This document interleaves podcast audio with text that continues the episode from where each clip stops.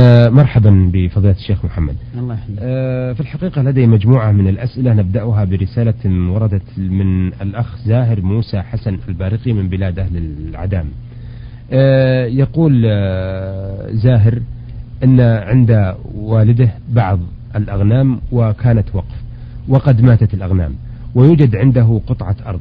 وقف وقد مات والدي وأنا صاحب وظيفة وقد قسمت هذه الأرض وقامت فيها الأشجار ولم أجد أحدا آه، يحيي هذه الأرض آه، لكي تستثمر أو تستثمر ثمرتها. آه، هذا أرجو إفادتي ماذا أفعل؟ علما أنني قد وضعت فلوس لمن يحرثها ولكن للأسف لم أجد أحدا يقوم بزراعتها. نرجو التفصيل في ذلك. وفقكم الله.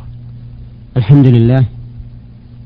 أما بالنسبة الوقف التي تلفت فإنه لازمه شيء بدلها إلا إذا كان تلفها بسبب تفريط منه أو تعد فإنه يجب عليه ضمانها. وذلك لأن الوقف إذا كان عينا فتلفت بطل لفوات المحل.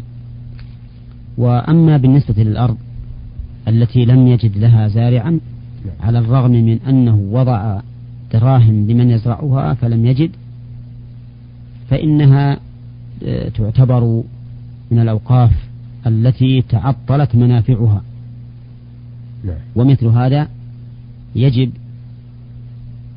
أن ينظر فيه إلى الأصلح من استبداله بوقف آخر أو ضرب حكورة عليه تبقى آه، تستغل.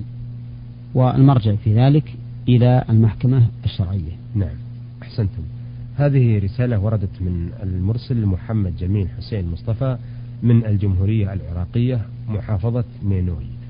آه، قضاء تل عفر آه، هذه فيها عدة أسئلة والسؤال الأول يقول إن من أحد شروط الدعاء هو التكرير ثلاثا. يقول وقد قرأ الخطيب في يوم الجمعة وذكر الدعاء مرة واحدة بعد الخطبة في المسجد.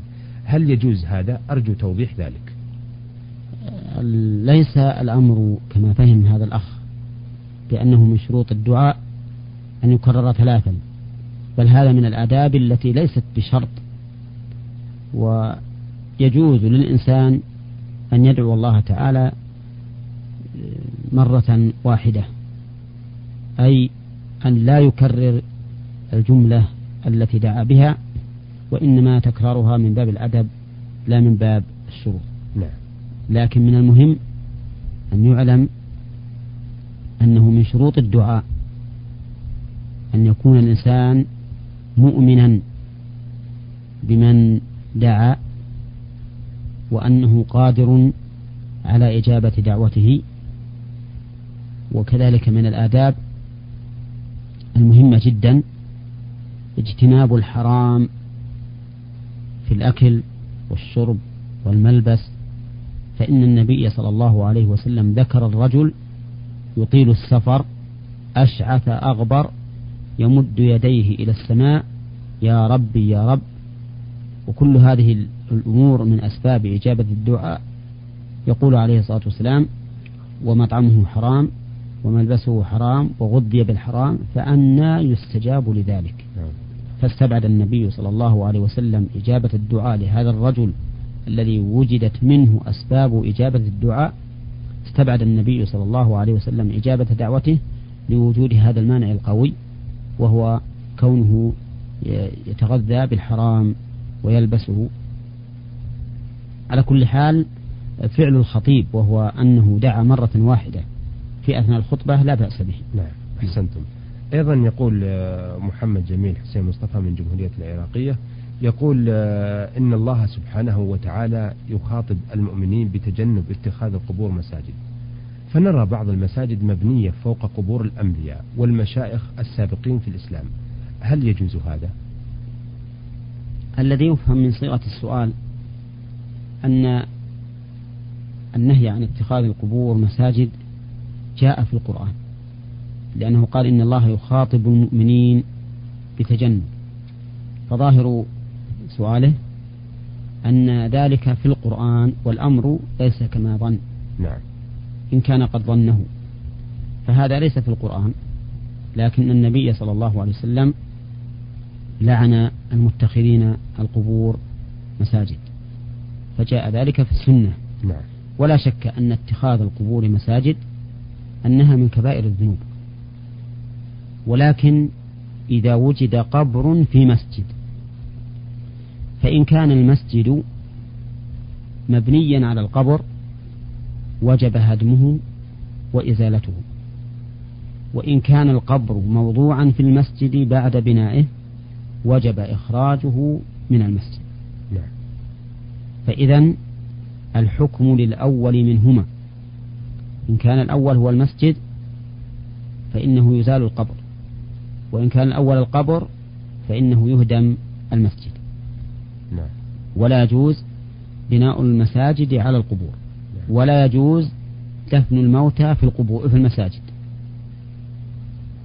ولا يرد على هذا ما استشكله كثير من الناس بالنسبة لقبر النبي صلى الله عليه وسلم وقبري صاحبيه الموجودين في المسجد النبوي.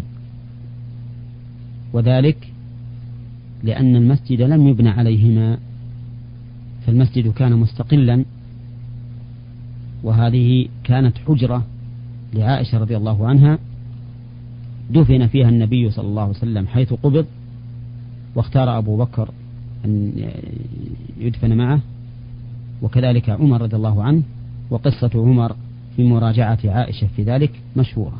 نعم.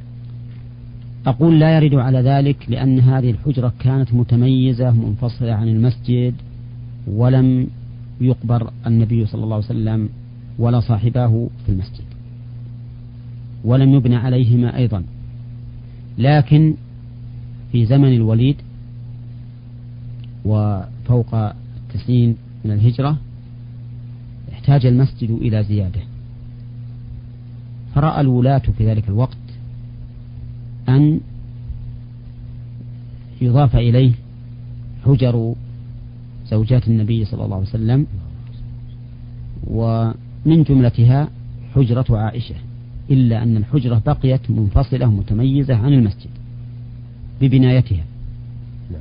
على أن من الناس في ذلك الوقت من كره هذا الأمر ونازع فيه ولم يوافق عليه وقد ذكر أهل العلم أن أكثر الصحابة رضي الله عنهم لم يكونوا موجودين في ذلك الوقت في المدينة وأن الموجود من الصحابة في ذلك الوقت كانوا نازحين في البلاد الإسلامية التي فتحت.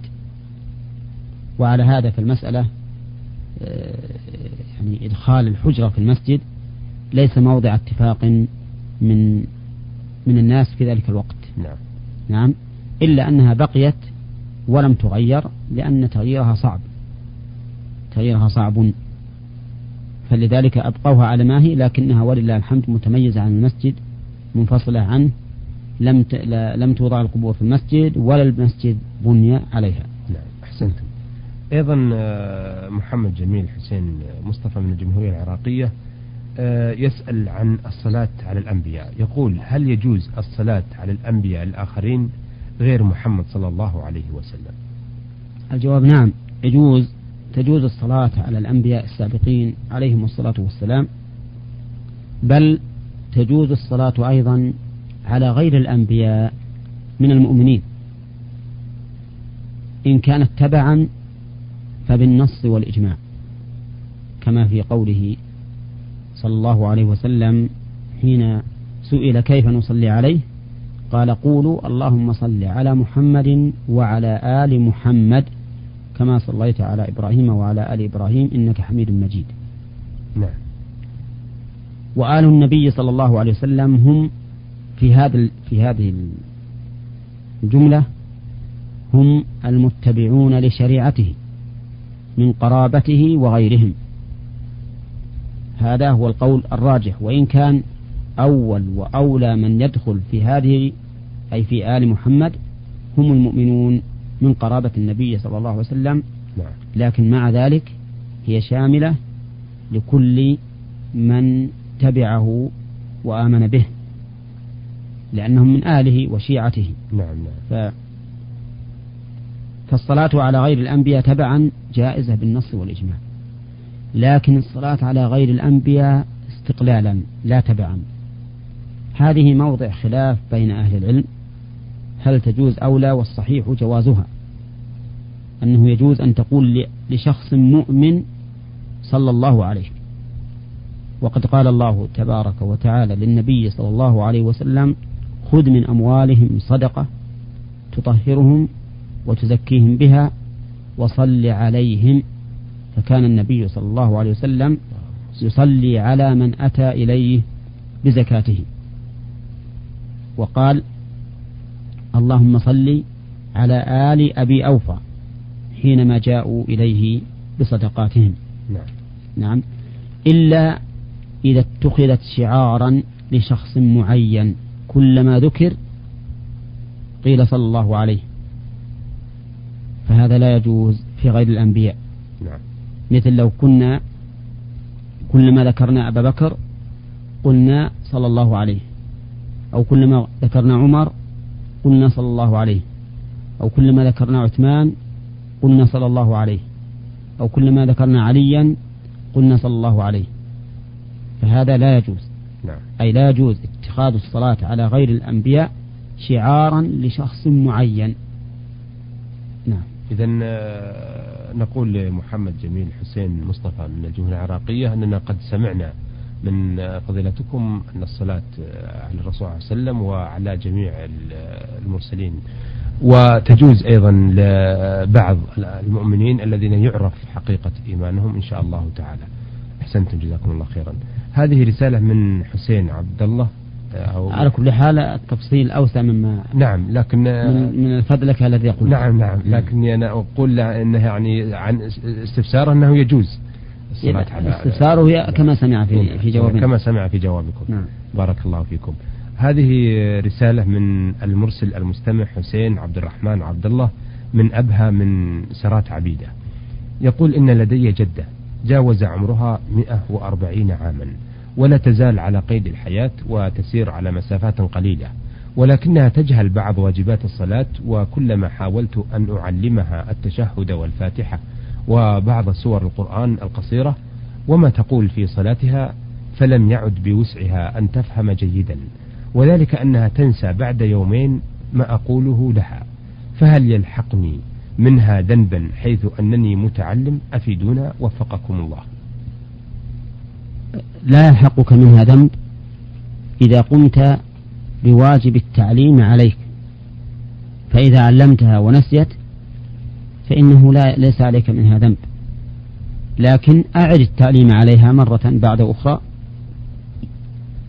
وهي والدتك أو جدتك ينبغي أن تحرص عليها حرصا بالغا لا سيما وهي بلغت من الكبر عتيا فتحتاج إلى متابعة وإلى تعليم حتى لا تنسى. وما ليس في وسعك من تعليمها فإن الله تعالى لا يكلفك به لقوله تعالى لا يكلف الله نفسا إلا وسعها. آه هذه رسالة من محمد عزاز السلمي يقول إمام المسجد الجامع. آه يسأل آه هذا السؤال وهو رجل مرض وقد بحث عن علاج لمرضه قبل كثرة الطب في مملكتنا الحبيبة وقد قيل له تشرب حليب امرأة مرضع. وقد شرب من حليبها شربة واحدة وقد شفاه الله سبحانه وتعالى.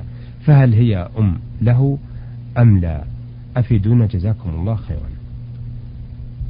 الحقيقة أني أشك في كون لبن المرأة سببا للشفاء وأظن أن الشفاء حصل عنده لا به يعني أنه كان من مما أراد الله سبحانه وتعالى وقدره أن يكون الشفاء في هذا الظرف أو في هذا الوقت الذي كان آه، وقت شربه لهذا اللبن. نعم. إذ أننا لا نعلم أن لبن المرأة يكون سببا للشفاء. ولكن كما أسلفنا في حلقة ماضية شعور الإنسان بالشيء المريض له تأثير بالغ بالنسبة للمرض. على كل حال ما نظن أن لبن النساء سبب للشفاء. نعم. وأما بالنسبة لما سأل عنه هل تكون أما له؟ فلا تكون أما له. لأن من شروط الرضاع من شروط الرضاع أن يكون خمس رضعات فأكثر. فإن كان دون ذلك فإنه ليس بمحرم. أي لا يوجب أن يكون الرضيع آه، محرما للمرأة التي رضع منها ولا تكون هي محرمة عليه. نعم. كما أن من الشروط أيضا عند جمهور أهل العلم أن يكون الرضاع في زمنه أي في الزمن الذي يتغذى فيه الطفل بالرضاع. نعم. أما إذا تجاوز ذلك الزمن بأن فطم ولم يكن مرتكزا على رضاعه في رضاعه على اللبن فإن تأثير اللبن في حقه آه، غير آه، واقع. نعم. لا يؤثر. نعم. نعم. نعم. وقد ذهب بعض العلماء إلى أن رضاع الكبير محرم لعموم قوله تعالى وأمهاتكم اللاتي أرضعنكم. ولأن النبي صلى الله عليه وسلم قال لامرأة أبي حذيفة بالنسبة لمولى أبي حذيفة السالم قال أرضعيه تحرمي عليه وكان كبيرا يخدمهم. نعم نعم.